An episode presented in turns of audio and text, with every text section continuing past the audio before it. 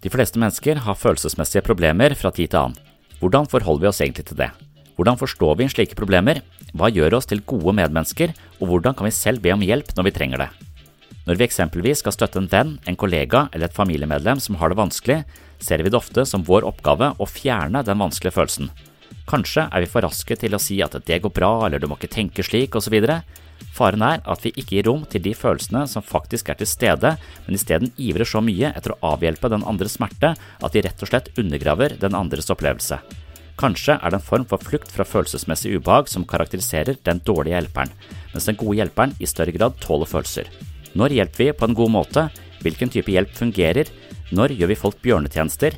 Når presser vi andre for hardt, og når presser vi så lite at folk havner i en passiv posisjon som et offer for omgivelsene, i motsetning til å være en selvstendig aktør i eget liv? Disse spørsmålene forsøker jeg å besvare i episode 118 på min podkast Sinnssyn.